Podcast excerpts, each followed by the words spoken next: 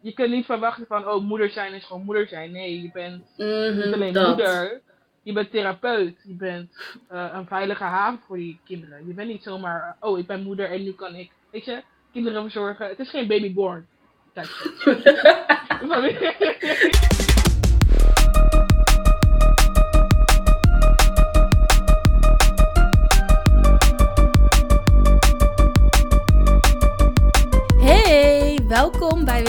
aflevering van Jeugdzorgen. Mijn naam is Gina Adou en vandaag horen jullie het verhaal van Teerza. Oh, en ik ben nu vergeten te zeggen wat ik wil bereiken met deze podcast. Maar ehm, ik wil zoveel mogelijk ervaringen van jongeren in de jeugd- en pleegzorg ja, hierop krijgen. Om, ja, gewoon om, omdat het kan en omdat ik nog niet echt een podcast had gevonden waarin dit kan. En omdat ik ook gewoon wil zorgen dat iedereen in de jeugdzorg een verhaal heeft om zich in te kunnen herkennen. Om zichzelf hopelijk wat beter te laten voelen over al de emoties die die heeft. En ja, ook gewoon een beetje delen met de wereld hoe het nou is om in de jeugd- en pleegzorg eh, te leven. En ja, daar is natuurlijk geen antwoord op, dus daarom deze podcast met zoveel mogelijk ervaringen. Uh, ik ben net terug van een theatervoorstelling van Moraya. Uh, even kijken wat haar achternaam is trouwens. Moraya Lopez. Um, zij is een zangeres en zij heeft uh, ook een theaterstuk geschreven en gespeeld. En het gaat eigenlijk over haar leven, haar emoties. En ze vertelt zeg maar haar verhaal aan de hand van een album dat ze heeft uitgebracht over de jeugdzorg. Check die vooral, Moraya. Ik zal um, haar naam en misschien een link als dat kan in de bio zetten. Dan kan, kunnen jullie gaan luisteren naar haar album. Ik vond het een super, super mooi theaterstuk. Um, en ik wilde eigenlijk niet gaan huilen, want ja, ik hou er niet van om uh, emoties te tonen. Um, in ieder geval niet ja, in het openbaar. Dus um, ja, ik was eigenlijk ook wel een beetje bangig om dingen te voelen. En uh, ze had een stuk over haar moeder. En toen moest ik wel echt wel even mijn tranen laten. En haar toneelstuk deed me eigenlijk ook denken aan ja, hoe ik er toch nog best wel met veel dingen van vroeger zit. Uh, met, met veel leegtes. Um, die ik op allerlei manieren probeer op te vullen, maar die er altijd blijven, zeg maar. Dus um, ja, ik vond het uh, een heel mooi, indrukwekkend stuk. Uh, dit was de eerste en enigste keer dat ze het deed. Maar als het goed is, zijn er plannen in de toekomst om uh, het stuk nog ergens anders uh, te spelen. In een groter theater. Dus ja, ik zou echt iedereen die in de pleegzorg zit aanraden. En in de jeugdzorg trouwens ook. Aanraden om, als je de kans hebt, om valse start uh, een keer te zien, dan moet je er echt naartoe gaan. Uh, ik vond het echt heel bijzonder. En ik kwam Jasmijn tegen. Dat vond ik ook echt heel leuk om haar weer te zien. Um, want als ik met mensen spreek um, uh, voor de podcast, dan ga ik daarna naar huis en dan denk ik van, oh, zie ik ze dan nooit meer, weet je wel, in het echt? Is dit dan de laatste keer dat we elkaar zien? Uh, gelukkig niet. Dus dat was ook wel fijn. En de wereld is klein. En dat brengt mij eigenlijk ook meteen naar Teerza. Want wij kennen elkaar van, uh, van de basisschool. Nee, wacht, wat zeg ik nou? Uh, wij kennen elkaar van de middelbare school. Zij zat een aantal jaartjes onder mij. En heel grappig en ook best wel indrukwekkend. Zij uh, heeft op dezelfde plek gezeten als ik vroeger. Um, echt toen wij nog baby's waren. Dus toen onze moeders um, ja, ons kregen, was er een huis in Goorlen waar uh, uh, jonge moeders met kinderen naartoe konden. Maar dat was ook zo'n veilig thuishuis. Dus het was een beetje een mengelmoes van alles. Ja, ik vind het toch wel mooi dat je elkaar dan toch weer tegenkomt later in het leven. Ehm, en hopelijk blijven we dat doen. Uh, nog een kleine aantekening. En dit, is, dit wordt niet gezegd in de podcast die jullie dan zo gaan luisteren. Maar later hebben Teers en ik nog gepraat. En we zijn er denk ik achter gekomen dat Teers waarschijnlijk is geadopteerd door haar pleegmoeder. Dus um, ja, dan, dan, dan zit je al uit de jeugdzorg. Uiteindelijk is jeugdzorg wel weer betrokken geraakt. Maar ja, dus dat nog even een kanttekening. Um, ja, vergeet uh, jeugdzorgen Instagram page niet te volgen. En laat natuurlijk een review achter. Dat kan je doen op Spotify, maar ook op Apple Podcast. Um, ja, we staan nu al een tijdje op 16. Dus misschien kunnen we naar 20 reviews gaan aan het eind van de week. Zou ik echt super leuk vinden. En dan ook nog een laatste dingetje. De audio-kwaliteit van deze podcast is ja, iets minder. Uh, we hadden het opgenomen online en dat lukt meestal wel goed. Maar uh, ja, nu dus wat minder.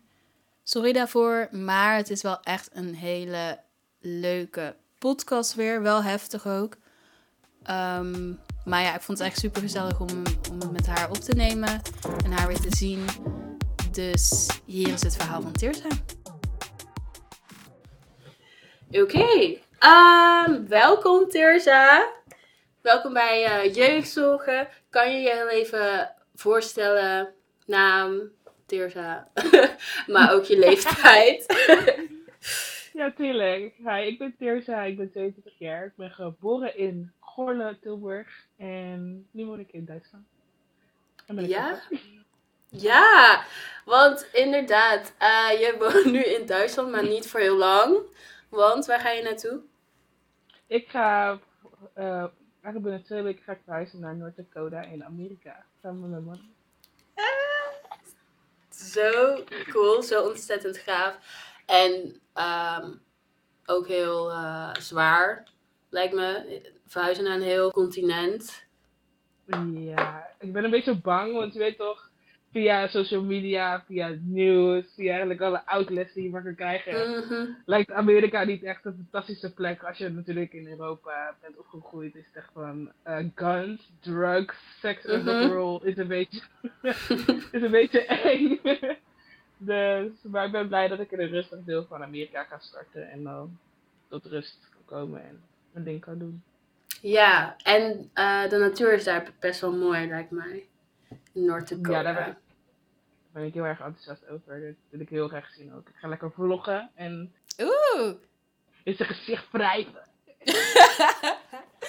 Oké, nou aan het eind van deze podcast moet je maar even je, je vlognaam of ik weet niet of je dat op YouTube of op Instagram wilt zetten. Maar dan moet je maar even delen, zodat we daar allemaal van kunnen meegenieten. Ja, tuurlijk. ja, um, wat vind jij leuk om te doen? Oeh, nou, ik ben, ben echt heel erg blij dat ik van mijn hobby kapper zijnde mijn werk heb kunnen maken. Dus dat doe ik eigenlijk bijna elke dag van de week nu. Mhm. En voor de rest is het echt. Ik ga van binge je nu. Ik ben echt op Marvel. ik ben echt de grootste autist van Marvel. Dus yes, Marvel kijken natuurlijk. Ik ga van boeken lezen. Uh, omdat ik ook de fashionopleiding heb gedaan, hou ik ook echt van kleren maken of designen. Hou ik van skaten, alleen heb ik dat heel lang niet meer kunnen doen, omdat we gewoon op een basis zitten en ik wil niet mm -hmm. alle militairen door gaan skaten en weet ik Ik ben er een beetje, een beetje onzeker over, dus zodra ik ook in Amerika ben, dan ga ik het weer lekker oppakken. Uh -huh. Ja, voor de rest, ja, pruiken maken, nieuwe hairstyles uitvinden en ja, gewoon lekker bezig zijn. Lekker creatief. Ja. ja, echt heel nice. Daar ken ik mezelf, nou ja, niet als uh, um, skaten en dat soort dingen, maar wel echt creatief bezig zijn inderdaad. I like it. And I like to do my own hair. Um, eh, niet andere mensen. Want de, de geduld dat je daarvoor nodig hebt is echt enorm, lijkt mij. Girl, sometimes, soms denk ik echt bij mezelf van, Teersa, waarom sta je hier gewoon acht uur lang het Ik ben Ja. gewoon nog steeds niet moe. En dus letterlijk, omdat ik ADHD heb, dat je in zo'n hyperfocus Mm. komt, Uh-huh. dat je gewoon de tijd zo wegcijfert. En time blind zijn is ook fantastisch bij wie die dan kan hebben. Aha. Oh ja, echt, echt fantastisch wat je doet. Ik heb het ook gezien, het is echt heel mooi. Echt amazing quality eh, werk. Ehm, wij kennen elkaar ook, of course. Eh, ja, op zich wel. Eh, want we hebben bij elkaar op de middelbare school gezeten. Jij zat een jaartje onder mij, denk ik. Ik denk echt wel twee jaar. Ik ben echt met veel oudere mensen. Oh. Ja, dat dacht ik al. ja. Want, oh, ja, dat weet ik. Jij eh, eh, zat op dansen met een vriendin van mij. En zo kwamen wij in contact. We kunnen de naam niet zeggen. nee. Ja, maar, heel, heel erg Ja. In- dan kwam bij mij opeens op van... Oh, wacht, het was door ja, een gezamenlijke vriendin dat wij elkaar Oh ja, damn. ontmoetten. Ja, klopt. Jezus, Ja, zo grappig. En eh, ja, dus toen wij gingen praten, toen kwamen we erachter dat jij dus op dat moment in een pleeggezin woonde. En ik, eh, dat was dan middelbare school, in de derde of vierde dat ik jou voor het eerst tegenkwam. Dus ik was er al twee jaar uit en ik woonde op dat moment op groepen. Maar we hebben ook nog een keer afgesproken. Ja. En ik was toen echt een bitch trouwens. Ik weet niet of je dat nog herinnert, maar ik was echt in een bad mood en ik was echt soms heel onaardig. Oh ja, dat wist ik eigenlijk wel. Maar ja, ik, ik, weet- ik weet niks anders dan onaardigheid in mijn leven. Dus Oh, toen, hè. Toen ja. wist ik nog niet anders. Dus voor mij was het echt van, ja, whatever. Dus ik vond het Ja. wel gezellig met jou. Ook al Oh. Nou. een bad mood. Nou, we, we gingen, we- we- ik eh, hoopte dat je me kon helpen met mijn haar doen. Volgens mij hadden we daar afspraak met. en ik was gewoon gefrustreerd. En, ehm, en uiteindelijk heb- zijn we toen gewoon een film kijken. En dat was inderdaad wel leuk. Ja, toch? Ik, ging heel, ik weet niet eens voor wat er misging toen. Ik, ja, ik wilde mijn haar stijlen, maar het, werd niet oh stijl. ja, nee, dat was ik. No. Nee. Oh, nu weet ik het weer inderdaad. Ik kom gewoon niet binnen visueel gewoon. Wat? Mhm. Ja, het, het, was, het was helemaal recht ook. ik had geen staaltang, ik moest die van jou gebruiken, die was kapot oud. Ja, en ik had gewoon een heel beeld in me dat ik aan het eind van de middag met super gladde, steile haren die in de wind meewapperden, weet je wel. nou, Oh god, oh mijn god. Ja, nee, dat was echt. eh, sorry dat ik je daar niet heb kunnen brengen. Als ik nu in Nederland was, had ik je daar makkelijk mee kunnen helpen. Maar ja, trial and error. ja, precies. Nee, dat oprecht. Want Serieus. ja, nu gaat het gewoon wel weer goed. Maar ja, zo. Sorry. Zo, nee. Nu komen al die dingen weer terug, weet je wel. En dan denk je van, oh dat, oh dat. Ja. Ehm, en jij hebt me ook een keer uitgenodigd op jouw feestje. En toen eh, kwam ik jouw pleegmoeder voor het eerst tegen. Nou, voor het eerst, ja. Zij was er ook gewoon toen ehm, jij naar de groepen kwam in Goorlen. Dat was bij jou thuis. En ik weet niet hoe oud je was, maar ehm, ik en die vriendin, die gezamenlijke vriendin waar ik het dan net over had, die waren uitgenodigd. En ik denk, eh, ja, vooral jouw vriendinnen van je eigen klas. Wow. En het was een feestje in jullie woonkamer. Nee, ik ga Op de verder. groep. Nee, nee, nee, op in jouw Pleeggezin. pleeggezin. Yo! Ja. Het vervelende is met zulke trauma's die je dan hebt in de pleeggezin, dat je gewoon mhm, van 8 tot 15 alles wegstopt.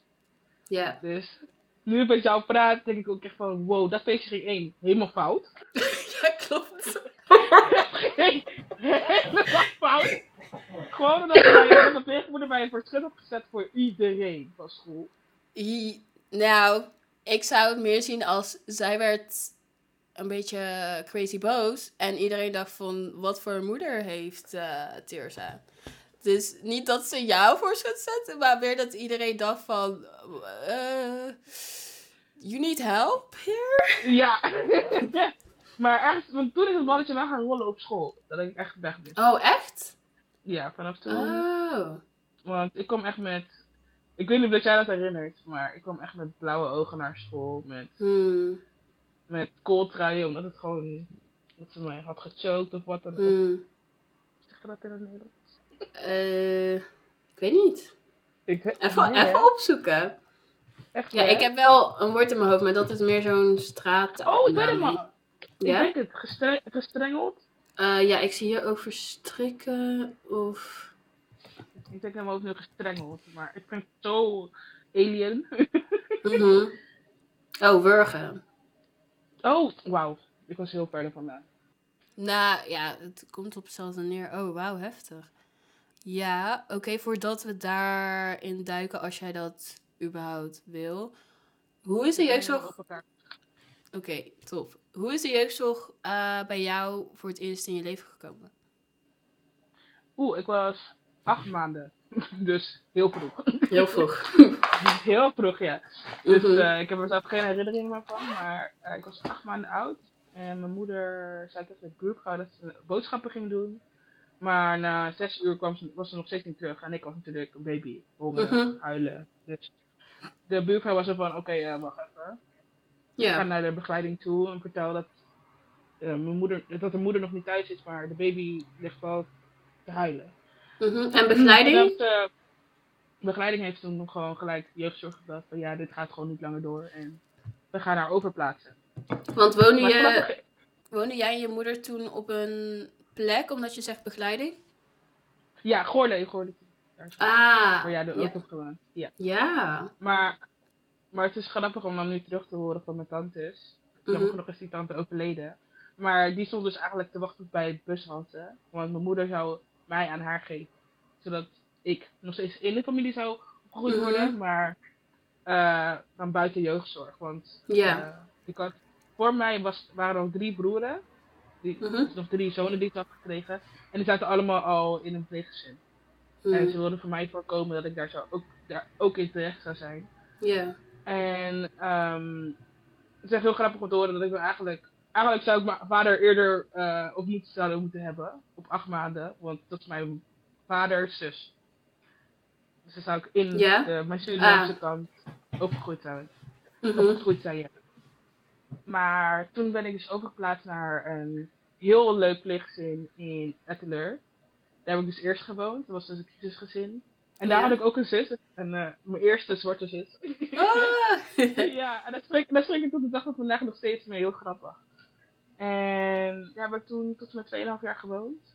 Mhm. En daar was het echt geweldig. Daar heb ik zoveel herinneringen van. Dat ik echt denk van, ik was echt van 8 maanden tot 2,5 jaar. Ja. Dat ik, echt, dat ik gewoon beetje leer, heb leren lopen. Oh, mijn wauw. Ja, hoe mijn slaapkamer eruit zag.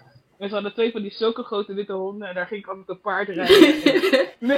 In de tuin hadden we kippen. Dus elke ochtend hadden we verse eieren. Oh, en ik weet my echt nog één specifieke herinnering. Dat we eentjes aan het eten gaven. eh, Eentjes brood gaven. Mhm. En letterlijk ze zei nog tegen mij van, die, die pleegmoeder dan. Ze nog, die, die lelijke eten die daar zit, die moet je geen eten geven. Moet je niet eten, en ik met mijn domme hoofd, geef die te eten en hij pikt gewoon in mijn vinger. Die herinnering, het eigenlijk hier en daar nog steeds. Het is gewoon echt grappig. Maar daar weet ik nog zoveel dingen van. Maar van mijn pleeggezin, hier en daar heb ik nog de tweede pleeggezin dus. Mhm. Waarmee je de moeder hebt ontmoet. Daar is echt Ja. van 8 tot 15 belenkt. Hmm. Tot nu toe dan. Nu weet ik het Ja. steeds weer. Er nu eh, prik ik door al die, eh, inderdaad, door al die muren heen. Ehm, dus tot je 2,5 heb je in dat mooie pleeggezin in Etteleur gewoond. Waarom moest je daar uiteindelijk weg? Ehm, eigenlijk was ik, moest ik eerder weg daar. Maar omdat... Oh ja, het was eh, crisis. Het was crisis, ja. Maar omdat mijn, in dat pleeggezin waren al, waar was mijn halfbroer al, een andere pleegbroer. En waar ik en een ander meisje zouden tegelijk komen. Mhm. Maar omdat dat meisje, eh, hoe zeg je dat? Ja, tien weken toen ze geboren was, had zij intensievere hulp nodig. Dus Mm. moest het voor mij langer duren om in dat pleeggezin te komen. Want anders hadden ze te veel zorg op hun handen. Ze hadden al twee andere kinderen. En dan was er nog een kind dat eh, premature was. Mhm. Dus ja, dat was gewoon te veel. Ze dronk echt precies 2 milliliter, 2 milliliter melk dronk ze pas in 45 minuten. Ja, als je dat elke Mm, keer, elke dag moet gaan doen, Ja, op precies. een dag, dat is gewoon, dat kun je niet met nog een ander kind doen van de andere plek. Nee. Dus ik heb, ja, zo'n twee jaar extra moeten wachten om in de pleegzin te komen. Ik had langer mogen wachten eigenlijk, maar... ja, als het aan mij ligt, had ik daar nooit weggegaan, eerlijk gezegd. Ja. wel echt wat dat is. Mm, Mhm. jammer, ja. Ja. En... Wacht, I'm, I'm a little confused still. Dus toen, ehm, Ja. van acht, acht maanden tot 2,5 jaar woon je in dat pleeggezin. Maar eh, pas op je achtste kwam je in dat pleeggezin waar je het eh, daar straks over had. Nee, nee, nee, ik zei van 8 tot 15, dan, toen ging het mis in dat pleegzin. Dus van 2,5 tot 8 Oh. heb ik hier en daar nog herinneringen van het ple- tweede pleeggezin. Mhm. Maar van 8 tot 15 is het echt gewoon blank. Omdat daar, toen ik pu puberteit, toen ik in puberteit kwam, toen ging het gewoon mis. Mhm, Ja, same. Want dan word je Ja, opstandig en dan ga je inderdaad vragen stellen en dan denken ze... "Mm, No, Eh, shut up. gewoon luisteren, niet huilen en blij zijn. Ja, precies dat. Ah, maar oké, dus jouw, jouw, jouw eh, eh, vroege ervaringen, toen je van 2,5 tot 8 dan daar was, hoe, ja, hoe, hoe was dat om dan weer in een heel nieuw gezin terecht te komen? Oeh. Het is makkelijker omdat ik wist dat mijn broer daar was. En Mhm. ook al zat ik in dat crisisgezin, hier en daar ontmoet, had ik al eh, wel ontmoet. Dus ik wist wel waar ik terecht... Nou ja, ik wist niet waar ik terecht zou komen, maar ik wist bij wie ik Ja. terecht zou komen.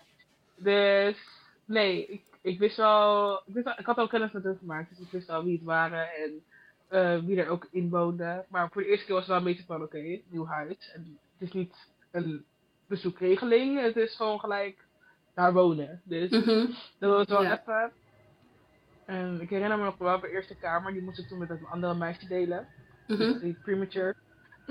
de meisje dat tien weken, geweest, eh, tien weken te vroeg geboren was, moest ik hem mijn kamer meedelen. Vond ik echt niet leuk. Maar, want, eh, want hij snurkte echt super hard. En ze werd echt 80 keer in de dag werd ze wakker. En het was gewoon heel veel gedoe. Maar Mhm. voor de rest was wel... Het was, ik heb goede herinneringen van. Met de buurt, kinderen spelen. Veel, elke woensdag hadden we dan een bakdag. Dus dan gingen we koekjes bakken of gingen we taart maken. Of Oh, leuk. dingen gingen we dan doen. Dus- Ja. En daar ben ik heel dankbaar voor, want ik hou echt van bakken nog steeds. Mhm. Dus dat is niet, niet, dat is er niet uitgeslagen, ge- gelukkig. Oh, fuck.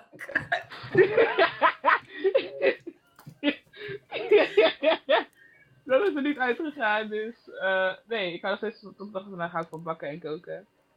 Maar nee, daar heb ik alleen maar leuke herinneringen over. Hmm, Ja, fijn. Elke, elke maand toen nog ook nog bezoekregelingen met mijn andere pleegbroertjes en zusjes, die had ik ook nog. Nee, sorry. Van mijn andere broertjes en zussen, die in andere Mhm. pleeggezinnen zaten. Ja. Hadden we dan elke maand gingen we dan naar hen toe, ze kwamen naar ons toe. Oh, nice. Rond Nederland, want we zaten echt verspreid. Zaten er, nee, volgens mij zaten er, ja, zaten er twee in Zeeland. Wacht, nee, ze zaten allemaal in Zeeland trouwens. Ja. Nee, ja, want de eentje zat wel in België, bij de grens van Zeeland naar Mhm. België zaten zij. Dus die moest echt weer door, over de grens en dan weer terug in Zeeland. Ah, ja. Waarom? En als kleinkind voelt het inderdaad ook dat je heel Nederland zo afreist om je... Snap je? Dus ik, heb een hele wereldreis. We zitten dan weer drie uur in de auto, helemaal naar het zuiden van Zeeland. Dus dat is ook weer, Jesus Christ. Ja. Want iedereen gaat er ook mee natuurlijk. Dus nee, dat was wel een hele, hele ervaring. Ja. Eh, want hoeveel broertjes heb jij, biologische siblings? Ik heb dus vier broers en één zusje. En dan heb ik één broer. Van die vier heb ik dan van mijn vaders kant. Mm, Oké, ja. En die, en die, is ook, die is ook de oudste. Dus we hebben- we verschillen 20 jaar. Oeh, ja. Ja. ja, dat is echt heel veel. Ja, en ehm, in het pleeggezin, ehm, hoe zag die eh, familiesamenstelling eruit? En pleegzin, dus dan hadden we... eh, ik mag geen namen zeggen, dus. Pleegmoeder en vader. Ja. Eh, dan hadden we de twee oudste, dat waren dan de, de jongens. Dat is mijn halfbroer en dan een pleegbroer. Mhm. En dan ik met het zusje, dus het andere meisje. Die waren, wat, ik denk dat, ja dat is wel grappig, want ik verschilde van mijn broer dan drie jaar. Mhm. En de andere twee, dat waren, die waren dan blank. Die waren gewoon Mhm. Nederlands. Die verschil- verschilden ook twee jaar en waren dan, en waren dan dezelfde leeftijd en ik was met het meisje hetzelfde leeftijd. Ah, oké, ja. Maar dan misschien een paar maanden door. Maar wel hetzelfde jaar. Nee, nee, nee. Nee, zij, ik verschilde met dat meisje twee maanden. Zij was in januari, ik was in november. Mhm. Dat was het. Ah, dus iedereen was dus een pleegkind. Die Iedereen oudere, was pleegkind. ja, die oudere Ja. ook. Ja, want hun, kunnen zelf, hun hebben, hebben het geprobeerd, maar ze konden zelf geen kinderen krijgen. De Hmm. kinderen die ze hadden, die waren dan heel vroeg in de Ah, ja. zwangerschap doodgegaan. We gingen ook heel vaak naar hun, hun graf. Ze wisten wel dat we eigenlijk nog, dat er eigenlijk nog kinderen waren. Dus Ja, ja, ja. Bloemetjes leggen en zo. Dus Mhm.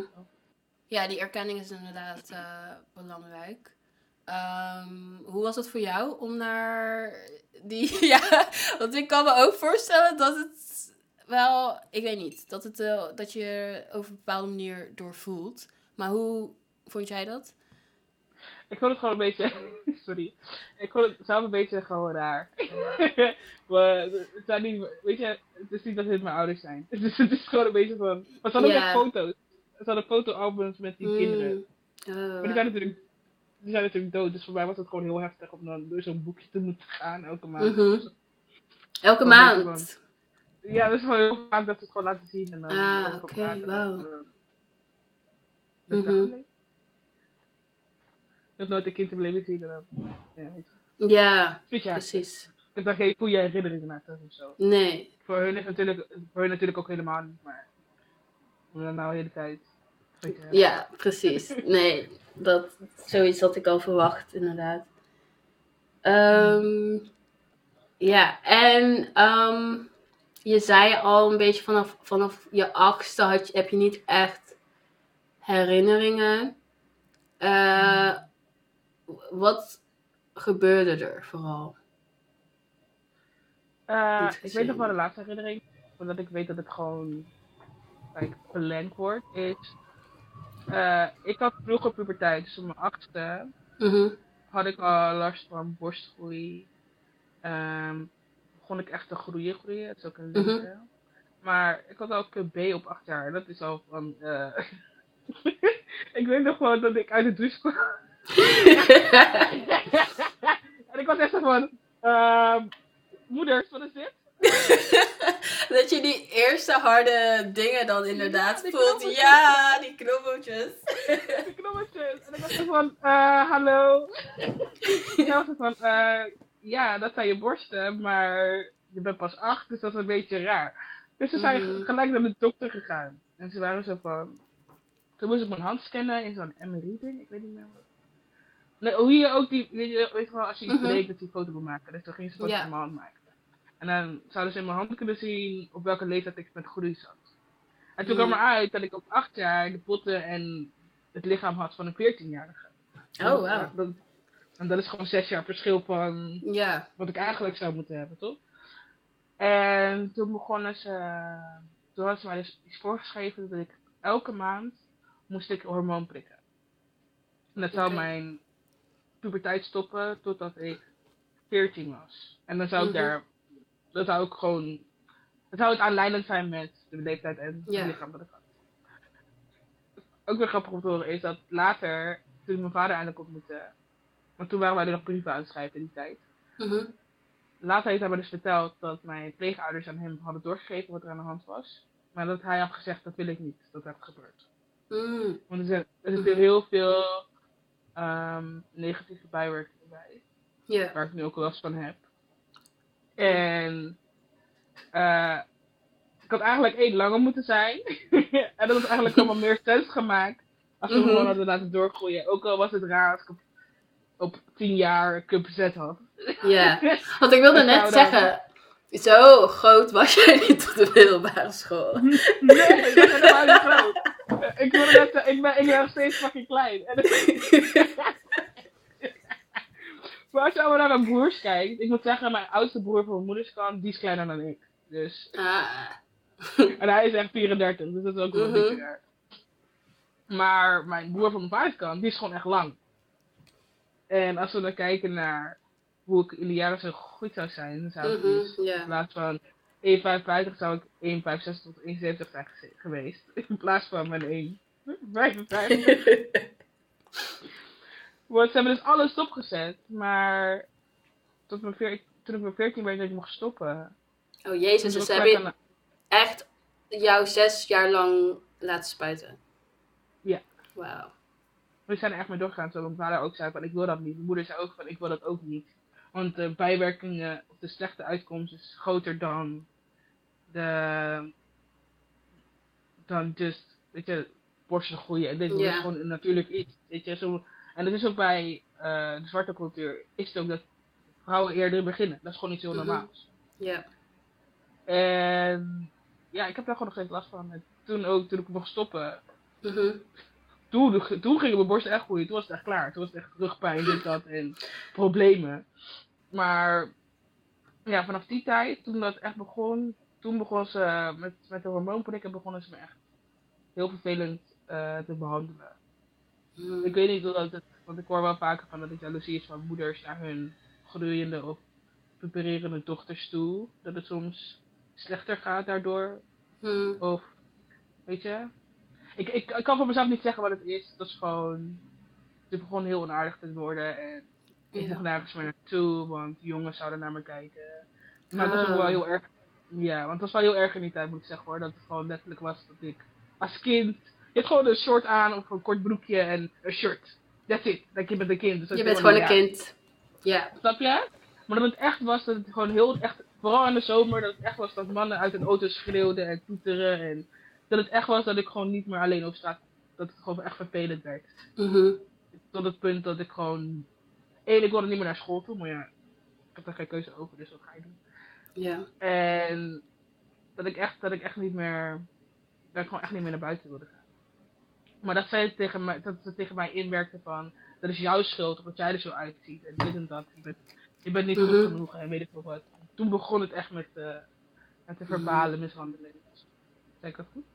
Ja, ja, ja. Kijk. nee, toen, mijn achtste begon het echt helemaal mis te gaan, ja, inderdaad. Wauw. Dat is ook vervelend. Dat is ook Ja. vervelend als je niet snapt wat er met je lichaam aan de hand is. Er rare dingen gebeuren op straat. En thuis het goed gaat. Is Mhm. Ja, aan alle kanten. Ja, Precies. mis. In mezelf en dan buiten. En dan is het zo van ja. Dan ben je ook heel snel. ehm, dan kunnen mensen ook heel meer in jou, tot jou inpraten voor wie jij moet zijn. En Mhm. meer gebruiken voor hun doelen. En dat is ook wat er toen gebeurde met eh, mijn pleegmoeder. Ik moet zeggen, mijn pleegvader. ehm, die, ik, heb daar, ik moet zeggen, het is echt alleen mijn pleegmoeder geweest. Mijn pleegvader. Mhm. Het is wel dat hij het accepteerde van wat zij deed. Dat, we, nou, dat is wat hij fout deed. Maar ik dat- kon, wel, ik kon wel altijd naar hem toe komen voor mijn problemen en zo. En Ja, dat is wel fijn. hij, ja, hij was nog wel een veilig, een veilig iets in een onveilige situatie. Dat wel. Ja, en eh, kon je het hebben eh, met je andere pleegbroers en zussen? Eh, Nee. En natuurlijk. nee, nee. Want ik weet niet of ik mag schelden hier, maar je weet toch wel. Tuurlijk. ziekte. En dan. Oh ja, ik mag zeggen? nou, met. eh, wacht, met de ziekte schelden of wat? Ja, dus zou ik zeggen K en dan 9. Oh! Wat? het ze. van zij. Ja, dat Ja. zijn die kinderen. Dat zijn die kinderen die ze hadden ge- geadopteerd. Mhm. Die zeiden dat dan tegen mij. En dan zei ik er iets van. En dan werd ik geslagen en dan kreeg ik straf. Het was zo backward. Het Ja. was zo backward. Oh. Dat ik gewoon op het punt kwam dat ik gewoon niet. Dat ik echt. Ik heb nooit woedeproblemen gehad. Maar hun kregen me echt tot het punt dat ik woede krijg. Want Mhm. je weet wel, op school, je, je, weet, je weet, ik was altijd het blije kind. Ik was, ik maakte grapjes en ik was, ik altijd daar. Als ik daar was, dan wist je dat ik daar was. in ieder geval. Mhm. Ja. Ja, precies. Dat dus. Maar hun kreeg me echt op dat punt dat ik boos werd. En ik ben echt iemand, tot de dag van vandaag, als je mij boos krijgt, moet je per zeggen gaan.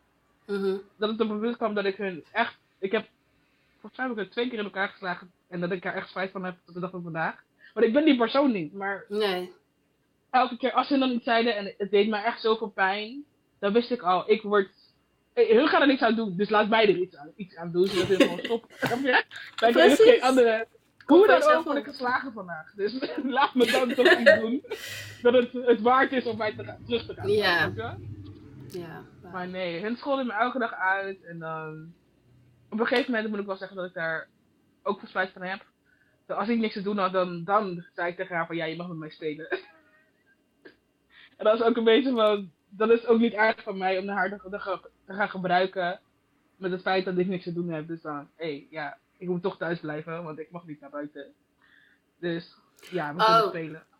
Dus dat je bedoelde van, ehm, ik ging alleen met hun spelen als ik boord was, eh, in plaats van dat ik een, een band met hun probeerde op te bouwen. Ja, Ja, ik denk niet dat je daar zelf al te veel eh, over moet bekritiseren, denk ik. Maar ik snap, nee, nee. ik snap dat je vanuit jezelf die manipulatieve kant ziet. Ja, nee, dat heb ik ook soms hoor, bij bepaalde dingen inderdaad. Dat. Dat ik denk van, Ik echt. Nee, de- ik voelde me er gewoon slecht over, maar ze ik ben autistisch, maar bij Mm. mij ben ik nog. Er is een verschil tussen autistisch en autistisch autistisch. je hebt een autistisch met echt beperking tot nadenken en acties en eh, voor jezelf kunnen opkomen of en mhm, et cetera eigenlijk. En het meisje had cerebrale parese en autisme. En dan Mm. een achterwerkende stand van denken en zo. Dus ze zat ook Mhm. echt op een speciale school en zo. Dus voor mij was het dan, als ik dan die manipula- manipulatieve dingen deed, dat het dan eigenlijk nog slechter is. Want ze zijn makkelijk te manipuleren. Het is, je hoeft eigenlijk niet heel veel te doen om je zin te krijgen. dus dat Ja. is ook echt van... Snap je? Voel je er toch mhm. slecht over, want Ja, hun kunnen er niks aan doen. ik. Dat is gewoon hoe, hoe hun nadenken en leven. Mhm. Maar dat ik dat toch tegen hun het- ga gebruiken, terwijl zij niet eens weten wat manipulatief Ja, is. precies. Ik denk dat er echt iets in zit in dat je. Ehm, hoeft niet altijd hoor, maar dat, dat je inderdaad een macht grijpt die je kan grijpen in zulke situaties. En dat had ik dus ook toen wij gingen afspreken. En dus toen ik zo, dus zo geïrriteerd was, toen uitte ik dat zeg maar op jou. En Hmm. Ehm, ik, eh, en het kutte vind ik, is dat ik denk ik merkte dat jij het wel eh, daar, daar niet al te veel zo terug in zou kaatsen of zo, weet je? Hmm, klopt. dus, dus inderdaad, dat merk ik zo van, dat je echt zo tenen krommend naar jezelf kijkt van, why did I do that? Like, dat, snap jij? dat, dat, dat hoefde niet. Ja. Nee, klopt. Maar ja, het is ergens ook van, in zulke situaties, dan weet je ook niks anders. Want je moet op manipulatieve dingen gaan denken om überhaupt jouw dingen te kunnen doen. Of simpelweg gewoon met je vriendinnen te kunnen afspreken. Of, Mhm. je weet toch. Want als ik, als ik terugkijk nu, ik was letterlijk, ze zouden me bij Agents of S.H.I.E.L.D. aan moeten nemen. Bij CIA moeten aannemen, want ik ging, ik was echt, ik was echt een gekke spy. Ik, letterlijk dat ze mijn deur op slot deden, en dat was Mhm. ze hadden. Deden ze de deur op slot, maar dan de- hadden ze ook de klinker af. Zodat ik, hoe dan Oh. ook, als ik het slot kon kraken, dat ik ook echt niet de kamer uitkom. Oh, damn, ja. Maar ik met mij van, hé, hey, flight of fight, weet Mhm. je. Ben ik, dus, dus, ben ik dus iets gaan zoeken om alsnog open te kunnen doen. Dat kon, dat gewoon zichzelf kon voordoen als een klink. Dus ik pakte een schaar, zette het in de open. oh ja. Zo, dat is Aha. wel ergens dat je zo creatief gaat nadenken. Dus je schaart die dan een beetje open en dan gebruik je die gewoon als klink.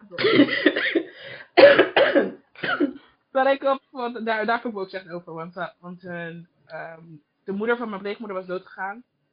zeg mijn pleegoma. Ja. En ze had dus, ze had dus iets nagelaten, toch? Mhm. En ze gaf me niks te eten.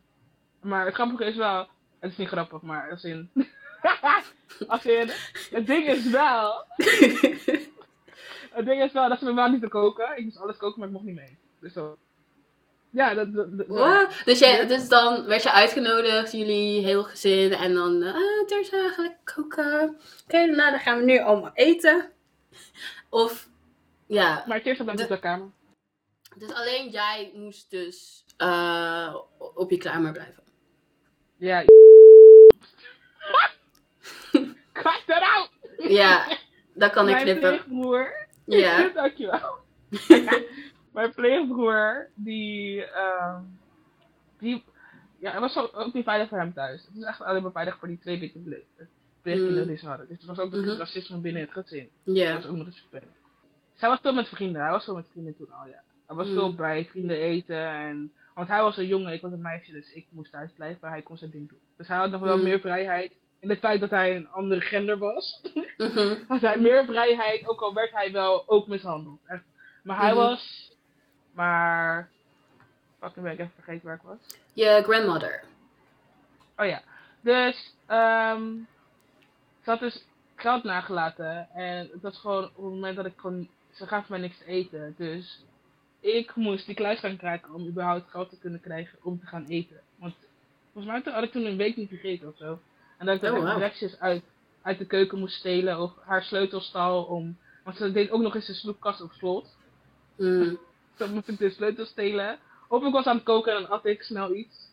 Ja, Eh, dat ik echt die sleutel stal en dan was ze aan het slapen op de bank en dan stelde ik die sleutel en dan ging ik heel zachtjes naar de kast.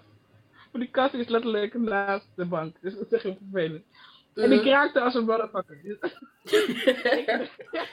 Jij vol angst, die deur open. ik voel angst, echt dat ik gewoon echt mijn tijd nam om die sleutel eerst om te draaien. En dan hoorde je die klik en kijken. En dan die deur echt per centimeter zo open doen Mhm. en dan dat ik echt een pak koekjes stal en dan alles terug snel dicht deed, terugzetten alles en dan naar boven ging. Maar nee, dat ik echt gewoon met een glas op die, op die kluis zat. Als een fucking, als een fucking agent gewoon. en ik dan kon aanhoren welke ik moest instoesten. En dat is Aha. dan letterlijk.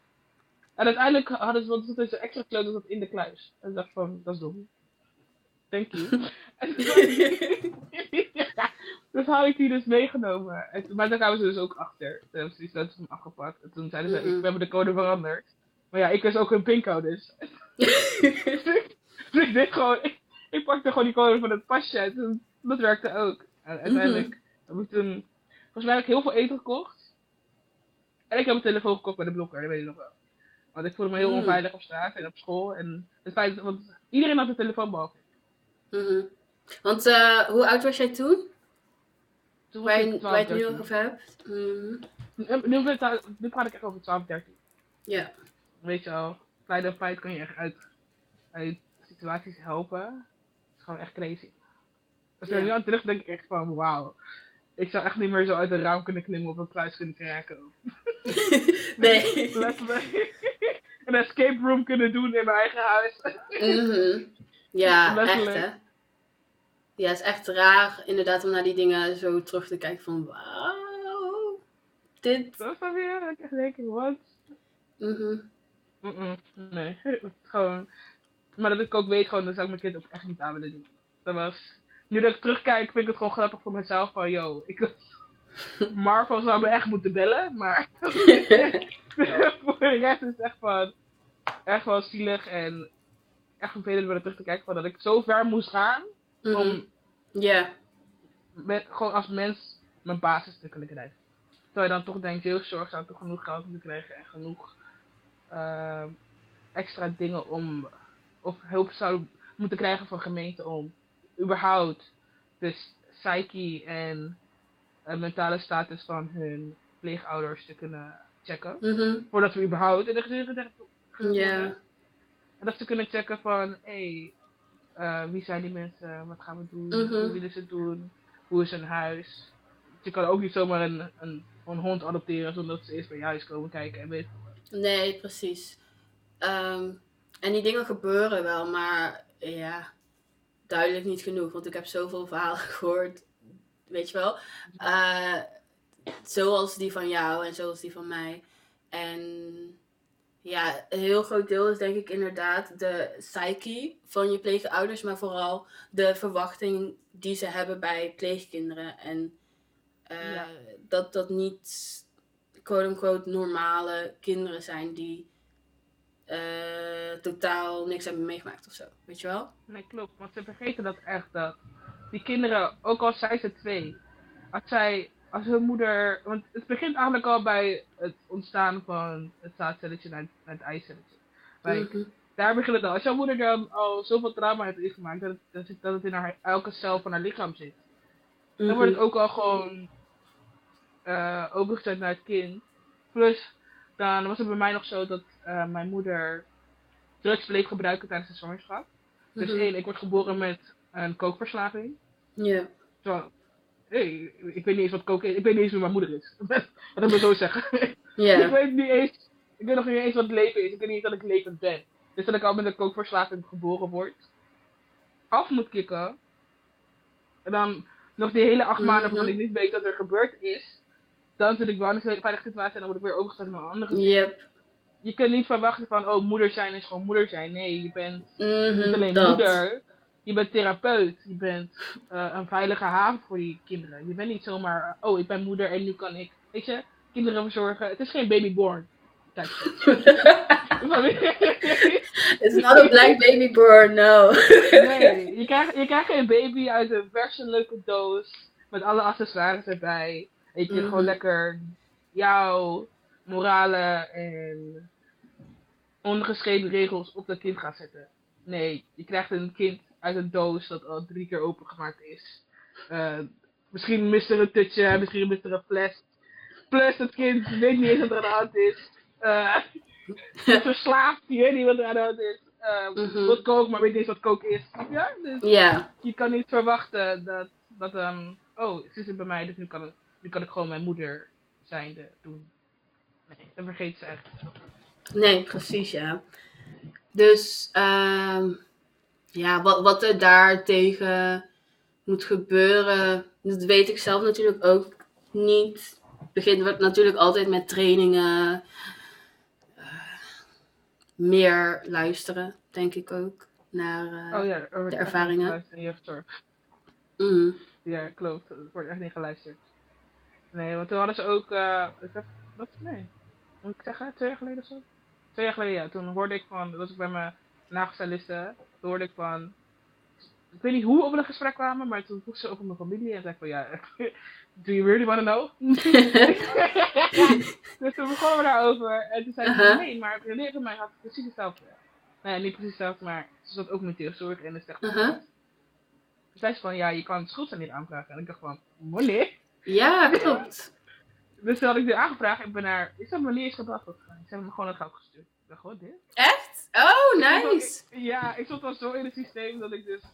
Dat is al Ze wisten al van, oh, als zij komt vragen, dan, dan, dan meteen geven. Gewoon, gewoon sturen, gewoon sturen. Maar dat ik oh, denk van, oké, okay, dat de schuldsanering is. Ja. Mhm.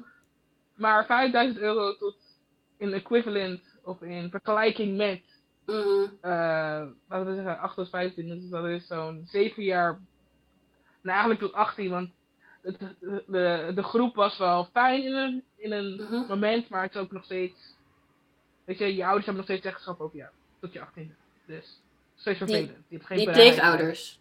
Je pleegouders. Ja. Oh. Je pleegouders hebben nog steeds zeggenschap over jou. Dus van 8 tot 18 is 10 jaar aan mishandeling, dat is 5000 euro. maar dat is precies drie mhm. maanden uit die, uit die mishandeling die tijd. Dus dat is echt niks. Maar toen was ik wel voor de eerste keer schuldig zijn. Dus dat vond ik wel heel fijn. Ja, dat is ook uh, een vorm van erkenning ook wel. Ja, dat vond ik heel fijn. Dat de gemeente überhaupt zag. Maar ja, door jou ben ik daarin gekomen. Dus ergens is van... Mm Nu, je mag het hele potje wel eigenlijk aan iedereen geven. Dus... Ja. Ja, ik weet dat ze dus inderdaad heel veel van die uh, aanvragingen hadden. Ehm, en dat ze het dus ook. Je kan het nu zeg maar niet meer aanvragen. Ze hebben het stopgezet. Ja, en, en volgens mij is het, ik denk, een jaar of anderhalf jaar open gebleven. Maar ze kregen er echt enorm veel. En ook enorm veel die ze dus ja, moesten toekennen, moesten erkennen. Als inderdaad, hier hebben een fout Ja. gehad voor jou. Ehm, ja, dus toen ik erachter kwam was hij al dicht. En niet dat ik het voor mezelf eh, wilde aanvragen, maar wel voor mijn zusje. Eh, Mm. Want ja, in mijn ervaring. Eerlijk. Ja, precies. Dus ik dacht van, oh, dat had zij wel kunnen gebruiken. Maar ja, wel fijn dat, eh, eh, dat die ene eh, klant van jou dat zo tegen jou had gezegd. En dat je dat, had is kunnen doen.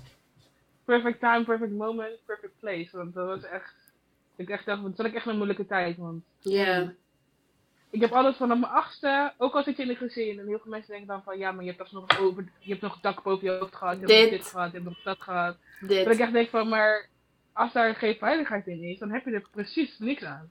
Alsnog Mhm. heb ik op mezelf moeten bouwen. Heb ik mezelf moeten opvoeden. Terwijl eigenlijk zijn deze mensen worden betaald letterlijk uit ons geld. Met het feit dat ze ons moeten verzorgen. Dat Mhm. ze ons moeten toekennen, moeten luisteren, naar onze problemen eigenlijk moeten oplossen in een way. Want Ja. daarvoor ben jij pleegouder. Want je wil deze kinderen helpen om een veilige basis te kunnen opbouwen naar Mhm. een veilig leven. Want die 18 jaar dat je alles moet leren, tot de test die je krijgt van 18 totdat je doodgaat. Ja. Dat is gewoon één shitshow eigenlijk. Maar dat, je moet inderdaad eh, jezelf opvoeden. Of ehm, eh, al die dingen. eh, je moet jezelf leren hoe om te gaan met emoties.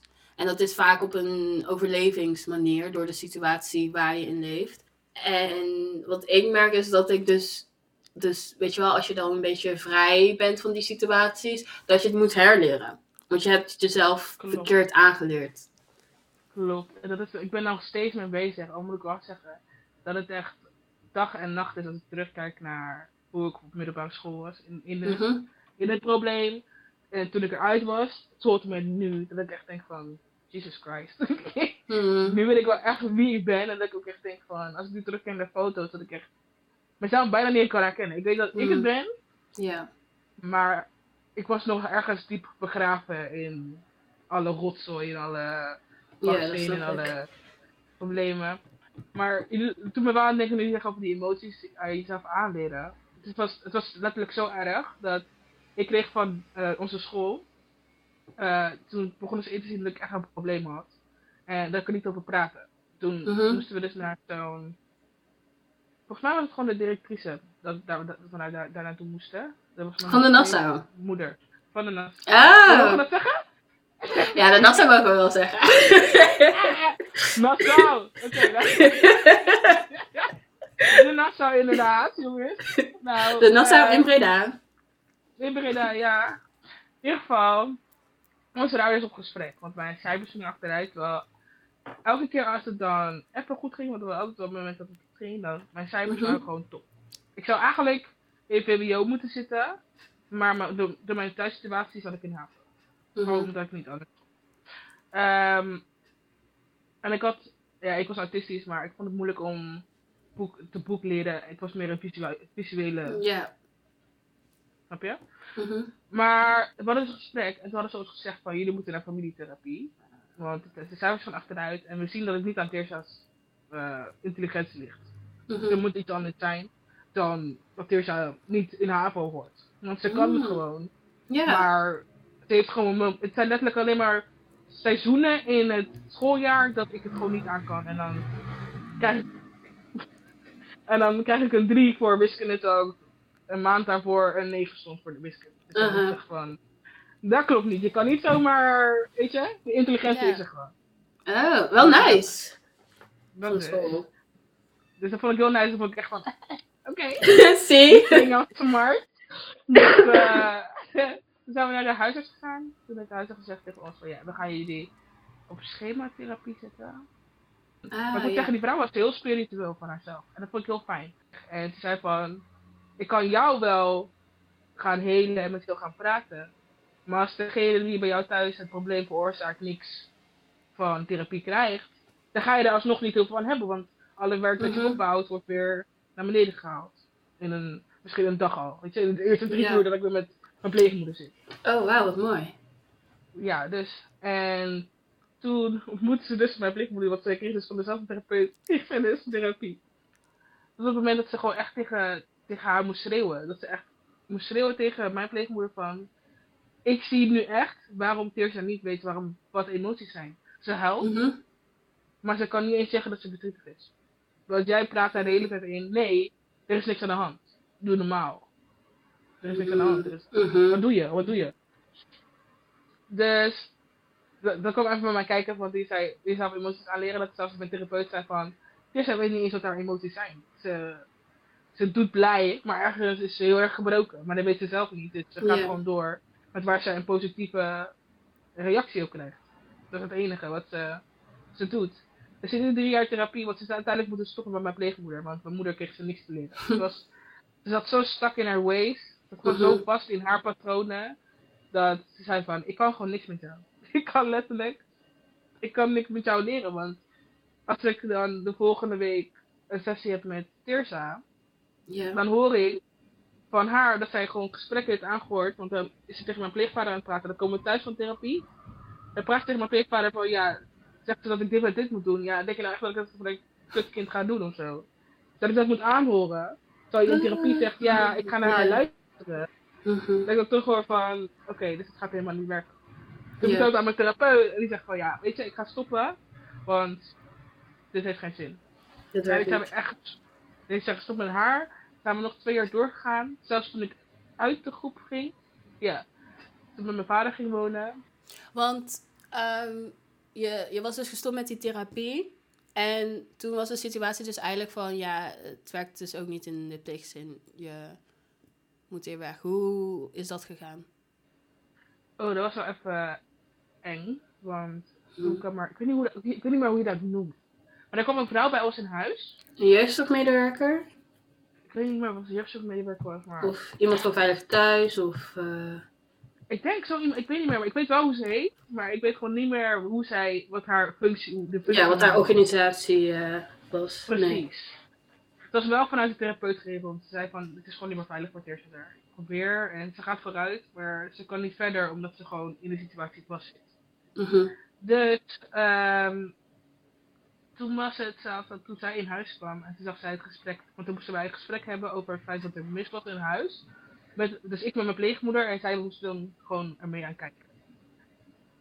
En dat ze gewoon zeiden van, eh, we gaan proberen, nee, weet jij een vriendin waar jij bij zou kunnen wonen?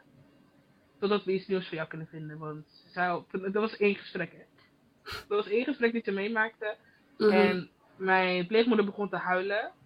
Maar ze zei al van. Toen zei ze tegen, tegen mijn pleegmoeder ook van. Dit zijn geen echte tranen. Kunnen we gewoon een gesprek hebben? Call that shit out! Nee, en ik was zo blij. Want ik voelde wel Ja. van oké. want ik moet haar gaan troosten terwijl jij iets tegen mij doet. Mhm. Maar ik moet jouw emoties moet ik wel gaan verzorgen. Terwijl ik in een heel stressvolle. Situatie, ja. En Ja, jij bent echt- niet voor mij. Snap je? Maar ik moet er wel altijd voor haar zijn. En zij was toen echt van, ja nee, dat gaan we niet doen. Dus ik ben, ben toen bij mijn beste vriendin gaan eh, wonen. Eh, en het was zelfs zo dat, ik weet niet meer, ik weet niet of ik me het goed herinner hoor, want het kan een beetje mis zijn. Maar ik heb het gevoel dat ik wel toch naar huis mocht en dat mijn pleegmoeder niet in huis was, omdat wij gewoon niet bij elkaar mochten zijn. Mhm. Of omdat ze wel in hetzelfde huis wonen, maar dat ik aparte eettijden had. Dat, ik weet niet meer of het dat was, maar ik was wel, op een gegeven moment moest ik wel weer terug naar huis. Mhm. En toen was heel grappig. Heel toevallig ging ik met een vriendin. Toen hadden wij tussenuur. En toen ging ik met een vriendin gingen we naar Gaap en die Drieplein. Weet je, bij Domino's en Lidl. Ik weet niet dat het er nog steeds zit. Ik denk het niet. Maar Mhm. we'll never know. En ik kwam dus uit de Lidl gelopen. En toen was het letterlijk die vrouw die dus bij ons thuis dat gesprek had gedaan. Mhm. En ze zei, dat is heel toevallig dat ik tegen jou inloop. Want volgende week mag jij uit huis. En dat was letterlijk...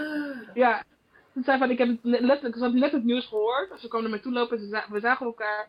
Ze zei van, je mag, je mag weg. Ik was zo blij, ik was gaan huilen op straat. Mhm. En ze zei, maar ik moest ook huilen omdat... We waren heel bang dat het op mijn verjaardag zou gebeuren. Want ik was letterlijk, ik was twee weken voor mijn verjaardag dat ze me dat vertelden. Mhm. En de, Dus, dus een week voor mijn verjaardag werd ik verhuisd naar die groep.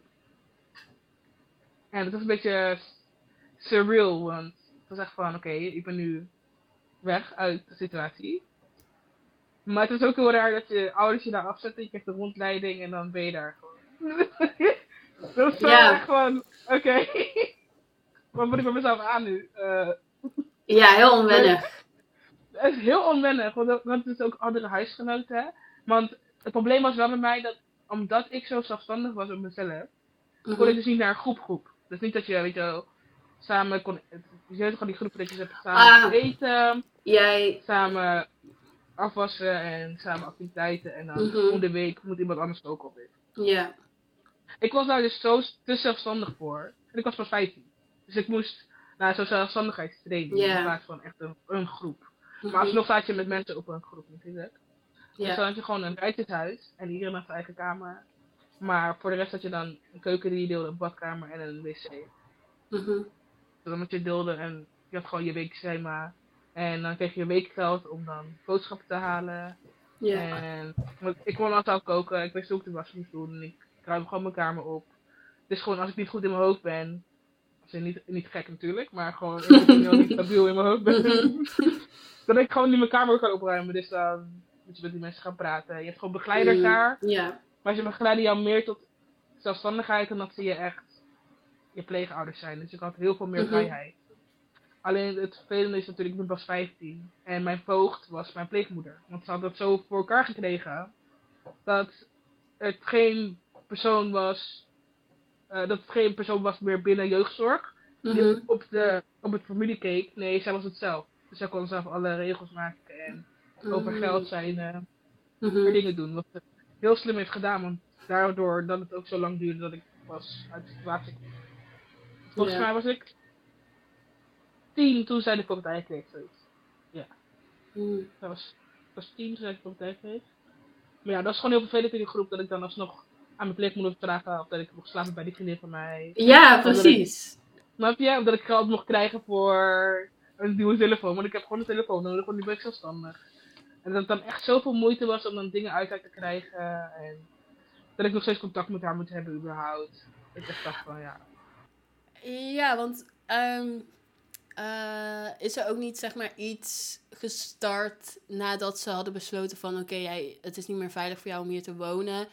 Eh, is er een manier om die voogdij ook eh, weg te nemen en weer terug te plaatsen bij jeugdzorg? Oeh, ik weet het eigenlijk niet. Ik weet wel dat op een gegeven moment. Ja, op een gegeven moment mocht ze niet meer over het geld gaan. Dan moest het gelijk doorgestuurd worden naar de groep. Weet ik Mhm. wel. Dat, eh, dat eh, alimentatie. Of, is dat alimentatie? Is Eh, dat, dat geld dat je krijgt vanuit jeugdzorg, ja. doe je dat? Ja, ik weet niet hoe dat heet, maar... Dat het is- alimentatie noemen voor nu. ja, op een gegeven moment is het zo moeilijk. En moest, moest uiteindelijk de alimentatie moest gestuurd worden gelijk naar de groep. Waardoor ik dan gewoon aan de groep, aan mijn mentor, want die had dan verschillende begeleiding, eh, begeleiding. Dus uiteindelijk ging dat dus op die manier. Waardoor het voor mij ook makkelijker werd om mijn dingen te doen. En voor school dingen te kopen. En dan had ik wat extra geld om boodschappen te kunnen doen. Wat heel fijn was. Mhm. Nee joh, maar de groep was wel... eh, Alleen ja, vervelend dan. Ja, en toen is hij gestopt met recorden. Dus eh, we hebben denk ik nog een half uur gepraat. En daarna, aan het eind kwam ik erachter dat hij dus niet had opgenomen. Vond ik wel jammer, want we hadden hem dus eigenlijk al helemaal afgerond. Ik had de laatste vragen al gesteld. En ze had het nog gehad over haar familie. Hoe ze met haar biologische familie weer terug is gekomen. En hoe ze dus echt voelt dat ze dus nu echt deel van de familie is. En dat dat eerst dus niet echt was, maar ehm, dat het met de jaren heen wel is geworden. En ik stelde haar ook een vraag van eh, of er iets is wat ja, ze zou willen veranderen, als dat zou kunnen. En ze zei zo snel niks. Eh, daar heb ik nog steeds wel een beetje kippenvel van. Eh, ze zei van nee, ik wil niets veranderen, want dan zou ik niet de persoon zijn die ik nu ben. Ehm, en ik ben ontzettend trots op mezelf. Dus ja, dat was echt wel heel mooi om te horen. Ehm, dat stukje hebben we nog een keer wel opnieuw opgenomen. Maar ehm, ja, was toch wel anders dan, dan die eerste, eerste keer dat ik het daarna vroeg. Echt zo'n impulsreactie. Was echt super mooi. maar dan hier nu dat stukje verder nadat we erachter kwamen dat hij dus niet had opgenomen. Um, Oké, eh, dus we kwamen, of ik kwam er net achter toen ik de opname wilde stoppen, dat ongeveer het laatste half uur niet is gerecord. Heel jammer, heel jammer. Um, Teers had nog verteld over hoe ze haar biologische familie terug heeft gevonden vanuit haar vaders kant. Hoe ze daar nu echt, weet je wel, één knit-tight family. Was heel mooi om te horen. Um, en ik wilde de podcast nog afsluiten met twee vragen. Eerste was, wat voor advies wil jij geven aan jongeren die nu in de pleegzorg of jeugdzorg zitten of hebben gezeten? En dan zou ik als advies willen geven om hulp te vragen. Ook al voelt het alsof je dan minder bent of dat je geen hulp nodig hebt. Je hebt altijd hulp nodig. Mensen zijn daar omdat je elkaar nodig hebt. En als je eerder uit je situatie kan komen omdat je hulp hebt gevraagd, is het alleen maar beter. Want je wil niet gaan zien wat er daarna nog meer kan gebeuren als je er toch uitkomt. Mhm. Ja. En mijn aller, allerlaatste vraag was: wat zou jij, als je terugkeek op jouw uh, leven, wat zou jij hebben veranderd wat jou zou hebben geholpen? Uh, helemaal niks. En dat is heel raar om te zeggen, omdat je uit een hele traumatische situatie komt. Dat je dan toch denkt van, wat als ik in een normaal gezin geboren was? Dan was ik een heel ander persoon. En had ik, ja, die zou ik nooit willen kennen of überhaupt kennen. En al die situaties die mij hier hebben gebracht, dat ik nu mhm. letterlijk de wereld rond kan reizen. Met een man die heel veel van me houdt en waar ik me heel veilig bij voel. En alles tot niks kan te zeggen tegen hem, dan mhm. nee, niks. niks. Heel mooi. Dankjewel. En ja, ik vond het heel leuk om met jou te praten. Ja, dat is wel even een rare reunie. Uh. maar uh, dat feestje, dat gaat mij echt uh, in mijn slaap gewoon. Dat ene feestje. dat feestje, ja. Ah, sorry daarvoor. Voor dat ophalen van die herinnering. ja, super bedankt. En voor de luisteraars, tot de volgende.